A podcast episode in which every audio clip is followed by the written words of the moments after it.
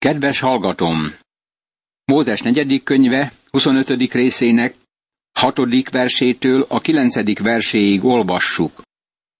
Éppen akkor jött egy izraeli ember, aki egy midjáni nőt hozott testvéreihez Mózes szeme láttára, meg Izrael egész közösségének a szeme láttára. Azok pedig sírtak a kijelentés sátrának a bejárata előtt.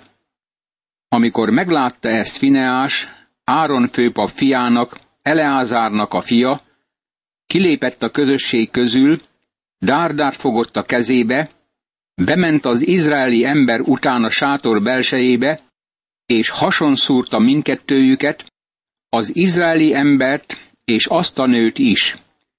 Ezzel elhárult a csapás Izrael fiairól. 24 ezer halottja lett a csapásnak.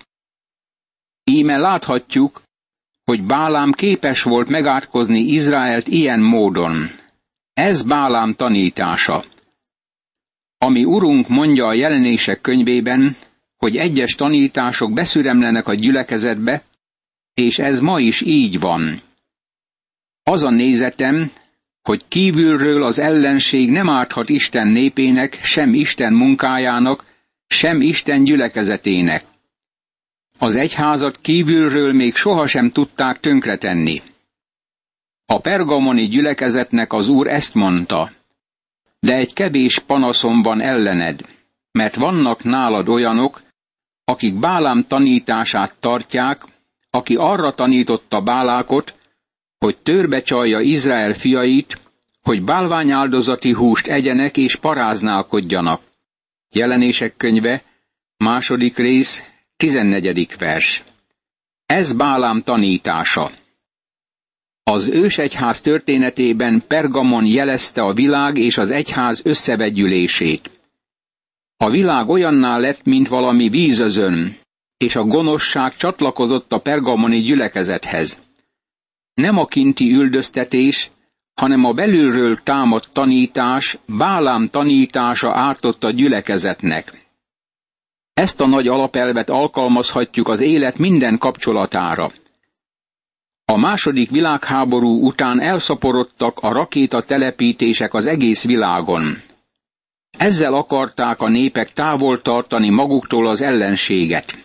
És mi történt? Belülről kezdett az ellenség romboló munkába.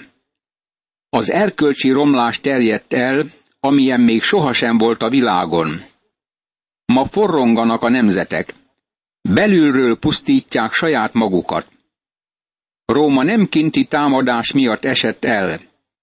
Egyetlen ellenség sem tehette volna tönkre Rómát kívülről, hanem Róma belülről pusztult el.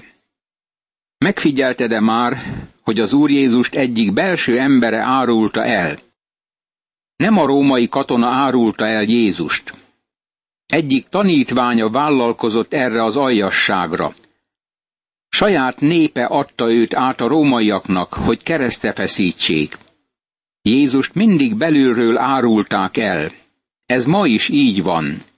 Ez Bálám tanítása, amit nagyon el kell ítélnünk. A papság szövetségét most Fineás Eleázár fia, az Áron leszármazottai közül való pap kapja meg. Az Úr mondja Mózesnek, hogy támadják meg a midjániakat, és verjék le őket. Ezzel zárul ez a 25. fejezet. Azután így beszélt az Úr Mózeshez. Fineás, Áron főpap fiának, Eleázárnak a fia, elfordította haragomat Izrael fiairól, amikor felindulásomnak megfelelően bánt velük. Ezért nem semmisítem meg Izrael fiait felindulásomban. Mondd meg tehát, íme, én békességem szövetségével ajándékozom meg. Övé és utódaié lesz a papság szövetsége örökre, mivel haragra indult Istenéért, és engesztelést végzett Izrael fiaiért. Annak a megölt izraeli embernek a neve, akit a midjáni nővel együtt öltek meg, Zimri volt, annak a szálúnak a fia, aki Simeon egyik nagy családjának a vezető embere volt. A megölt midjáni nő neve pedig Kozbi volt, annak a cúrnak a leánya, aki Midján törzsei egyik nagy családjának a feje volt. Azután így beszélt Mózeshez az Úr.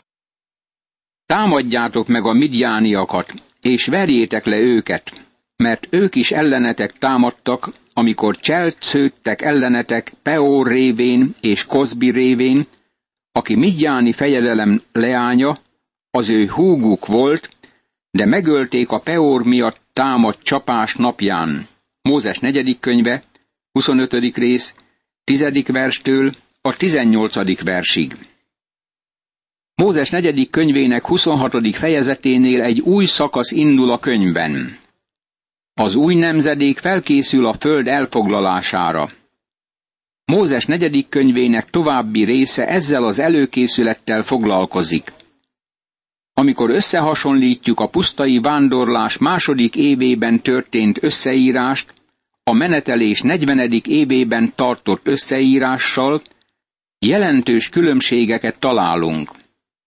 A következő felsorolás, amit Kale és Delitzsch állított össze a Biblical Commentary on the Old Testament című munkában, bemutatja, hogy míg egyes törzseknél jelentős létszámbeli növekedés volt, más törzsek létszámában határozott csökkenés állapítható meg. Izrael összeszámlált tagjainak számában az összes csökkenés 1820 fő. Ruben törzse például 2770 személlyel fogyott. A Rubeni nemzetségekből 43.730-at vettek számba. Mózes negyedik könyve, 26. rész, 7. vers. Ha visszalapozunk az első fejezetben leírt népszámláláshoz, ott ezt találjuk. Akiket számba vettek Ruben törzséből, 46.500-an voltak. Mózes negyedik könyve, első rész, 26. vers. Ez 40 évvel korábban történt, amikor nekivágtak a sivatagnak. Rubennel szemben Dán törzse föltűnő emelkedés mutatott. Dán fiainak a nemzetsége ez. Suhámtól való a suhámi nemzetség. Ez a család alkotta Dán nemzetségét. A suhámi nemzetségből összesen 64.400-at vettek számba. Mózes negyedik könyve, 26. rész, 42. és 43. vers. Az első népszámláláskor ezt mondták Dánról. Akiket számba vettek Dán törzséből, 62.700-an voltak. Mózes negyedik könyve, első rész, 39. vers. Más szóval, Dán törzse 1700-zal szaporodott. De a második népszámlálás azt mutatta, hogy Izrael 1820 személlyel megfogyatkozott. A régi nemzedék kihalt a pusztában, ahogy Isten megmondta nekik. Itt a pusztában fogtok holtan elhullani, a számba vettek mind, ahányan csak vagytok, húsz évestől fölfelé, mert zúgolódtatok ellenem. Mózes negyedik könyve, 14. rész, 29. vers. De ezek között nem volt már senki a Mózes és Áron pap által számba vettek közül, akik még a sínai pusztában vették számba Izrael fiait. Mert az Úr megmondta nekik, hogy meg kell halniuk a pusztában. Nem is maradt meg közülük senki, csak Káléb, Jefunné fia és Józsué, Nún fia. Mózes negyedik könyve, 26. rész, 64. és 65. vers. Ez most már az új nemzedék. Az egész régi nemzedék Káléb és Józsué kivételével meghalt. Isten a húsz éven aluliakat nem tartotta felelősnek a Kádés Barneánál történt kudarcért és lázadásért. Ez bizonyos jelzést ad nekünk a felelősségre vonhatóság életkoráról.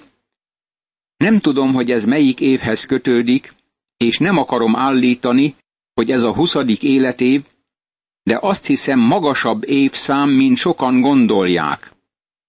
Ez az új nemzedék két férfi kivételével.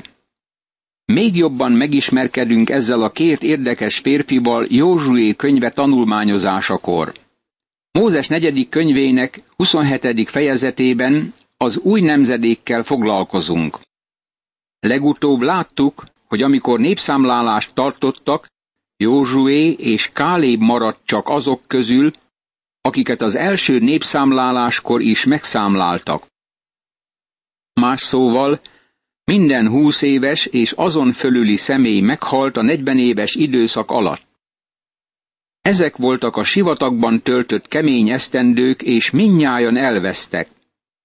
Most Izrael egy új nemzedék tagjaiból áll, és ez az új nemzedék új problémákkal találkozik. Mindig baj volt azzal, hogy az egyik nemzedék nem értette meg a másikat, mert minden nemzedéknek megvannak a maga különös problémái. Nagyon érdekes, hogy valaki ezt így osztotta fel. Amikor fiatal vagy, akkor bírálod az idősebb nemzedéket, és amikor idős vagy, akkor bírálod a fiatalabb nemzedéket. Ez az emberi természetből fakad. Amikor Mózes negyedik könyve 27. fejezetéhez érkezünk, látjuk, hogy az új nemzedéknek új problémái támadnak. Valójában Mózes nem is tudta, hogy mit tegyen. Az úrhoz folyamodott, mert más nemzetek törvénye szerint a nőket nem számították be. Valójában úgy kezelték őket, mint valami tulajdont. Ekkor előálltak Celofád leányai.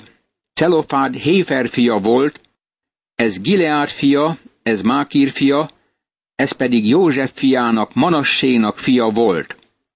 A Manassé nemzetségei közül való leányok nevei ezek voltak. Machlá, Noá, Hoglá, Milká és Tircá. Mózes negyedik könyve, 27. rész, első vers. Barátom, ha sok leány van a családodban, és kifogysz a nevekből, miközben nem akarsz megszokott neveket alkalmazni, itt van néhány név, amelyek közül választhatsz. Machlá, Noá, Hoglá, Milká és Tircá. Még sohasem hallottam, hogy bárkit ilyen névvel neveztek volna, és talán tudom is, hogy miért. De ezek Celofhád leányai voltak. Ezek odaálltak Mózes és Eleázár pap elé, meg a vezető emberek és az egész közösség elé a kijelentés sátra bejáratánál, és ezt mondták. Apánk meghalt a pusztában, de nem volt azoknak a csoportjában, akik összefogtak az Úr ellen, azaz Kóra csoportjában, hanem a maga védke miatt halt meg, fiai pedig nem voltak. Miért tűnjék el apánk neve a nemzetségéből? Csak azért, mert nem volt fia. Adj nekünk örökséget apánk testvérei között. Mózes az Úr elé vitte ügyüket. Mózes negyedik könyve, 27. rész, második verstől az ötödik versig. Láthatjuk a problémát. Celofhád meghalt a pusztában. Öt lánya volt és egyetlen fia sem. A mózesi törvény szerint úgy tűnt, mintha a fiú lett volna az, aki a birtokot örökölte, és a nőket csak kihagyták a számításból.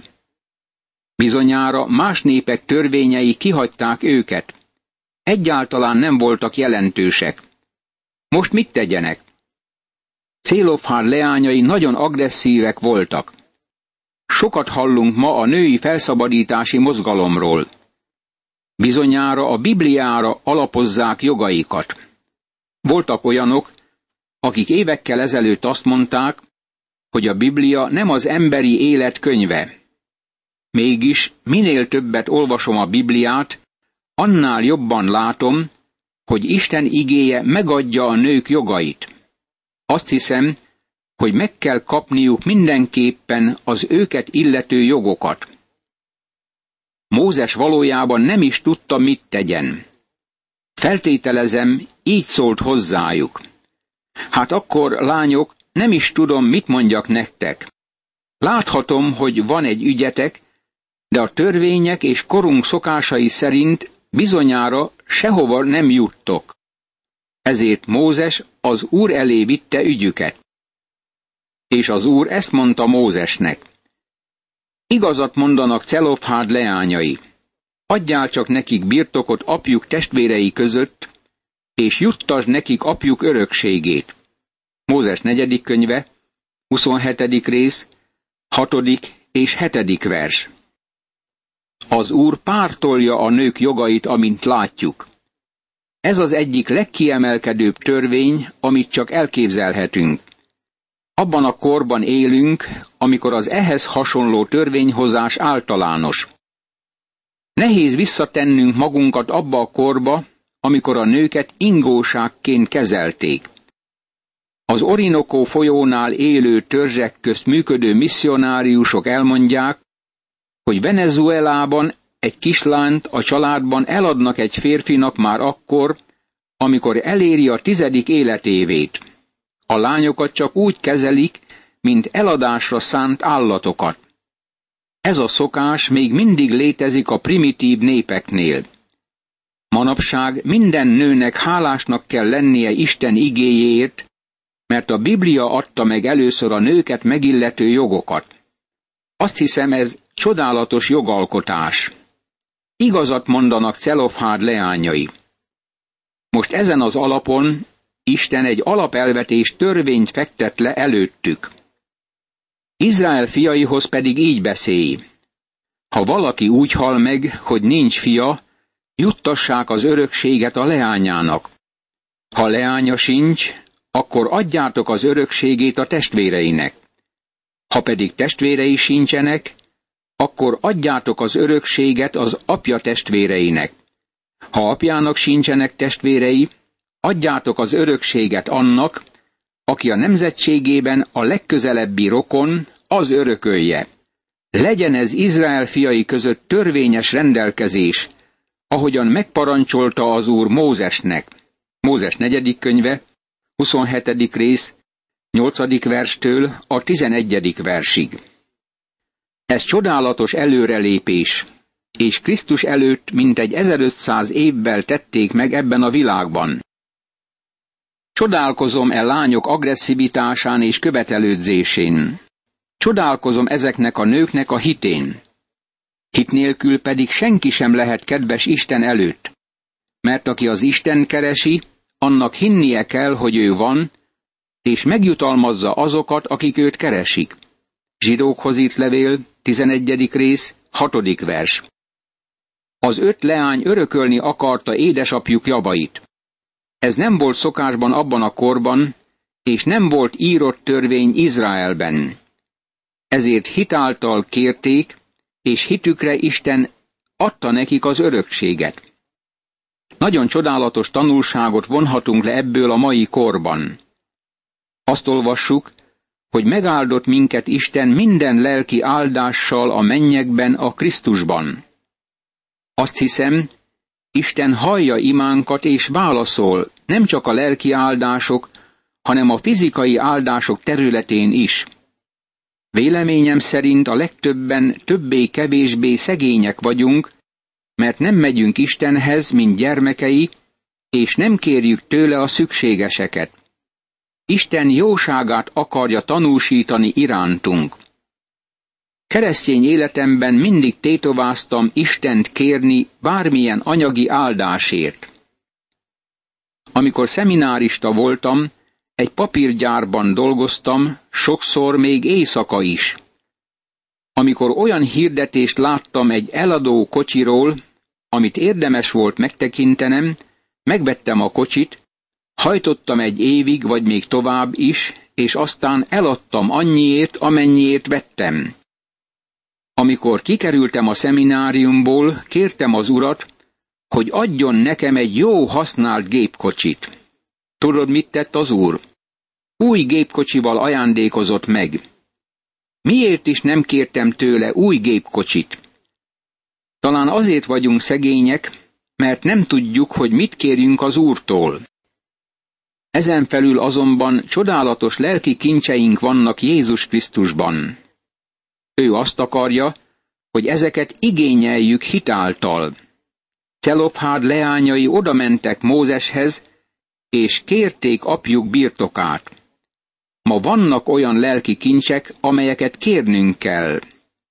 mondjuk meg atyánknak, hogy kívánjuk az örökségünket, és hogy akarjuk ezeket a lelki áldásokat. Ő meg akar minket áldani. Milyen csodálatos ez az üzenet! Most itt egy szomorú megjegyzéshez érkezünk. Már régóta követjük Mózest. Valójában, mivel ő Mózes első könyvének az írója, már Mózes első könyvének tanulmányozása óta vele vagyunk. Ennél a pontnál fel kell készülnie, hogy eltávozzék a földi szintérről. Az úr ezt mondta Mózesnek. Menj föl ide az Abarim hegyre, és tekintsd meg azt a földet, amelyet Izrael fiainak adtam. Ha megtekintetted, te is oda kerülsz elődeidhez, ahogyan oda került testvéred Áron. Hiszen föllázadtatok parancsom ellen a cín pusztában, amikor perlekedett a közösség, és nem tartottatok engem szentnek előttük azoknál a vizeknél, Meribá vizeinél, Kádésban, a cín pusztában. Mózes negyedik könyve, 27. rész, 12., 13. és 14. vers. Isten arra az időre mutat, amikor Mózes kétszer megsújtotta a kősziklát, miután Isten azt mondta neki, hogy szóljon a kősziklának. Isten megmondja e helyen, hogy ez az ő parancsolata elleni lázadás volt. Mivel Mózes ezt tette, csak azt engedi meg neki az Úr, hogy megtekintse a földet, de nem léphet be az új országba. Felszoktam vetni hallgatóimnak ezt a különös kérdést. Vajon belépette valaha Mózes az ígéret földjére? A legtöbb hallgató azt mondja, hogy nem lépett be. De mindig akad egy-két okos hallgató, aki azt mondja, hogy igen. Természetesen belépett. Ott volt a megdicsőülés hegyén az Úr Jézussal. Ez már halála után történt. Itt csak megpillanthatja az ígéret földjét. Isten nem engedi meg neki az országba való bemenetelt. Láthatjuk, hogy az engedetlenség sokunkat visszatart attól, hogy belépjünk lelki tulajdonunkba. A hitetlenség mindig engedetlenséghez vezet. Éppen ez történt Mózessel. Imádkozzunk! Mennyei édesatyám, segíts, hogy Mózes esetét látva őrizkedjem az engedetlenségtől, hogy így elérhessem azokat az áldásokat, amelyeket elkészítettél nekem az Úr Jézus Krisztus által. Ámen.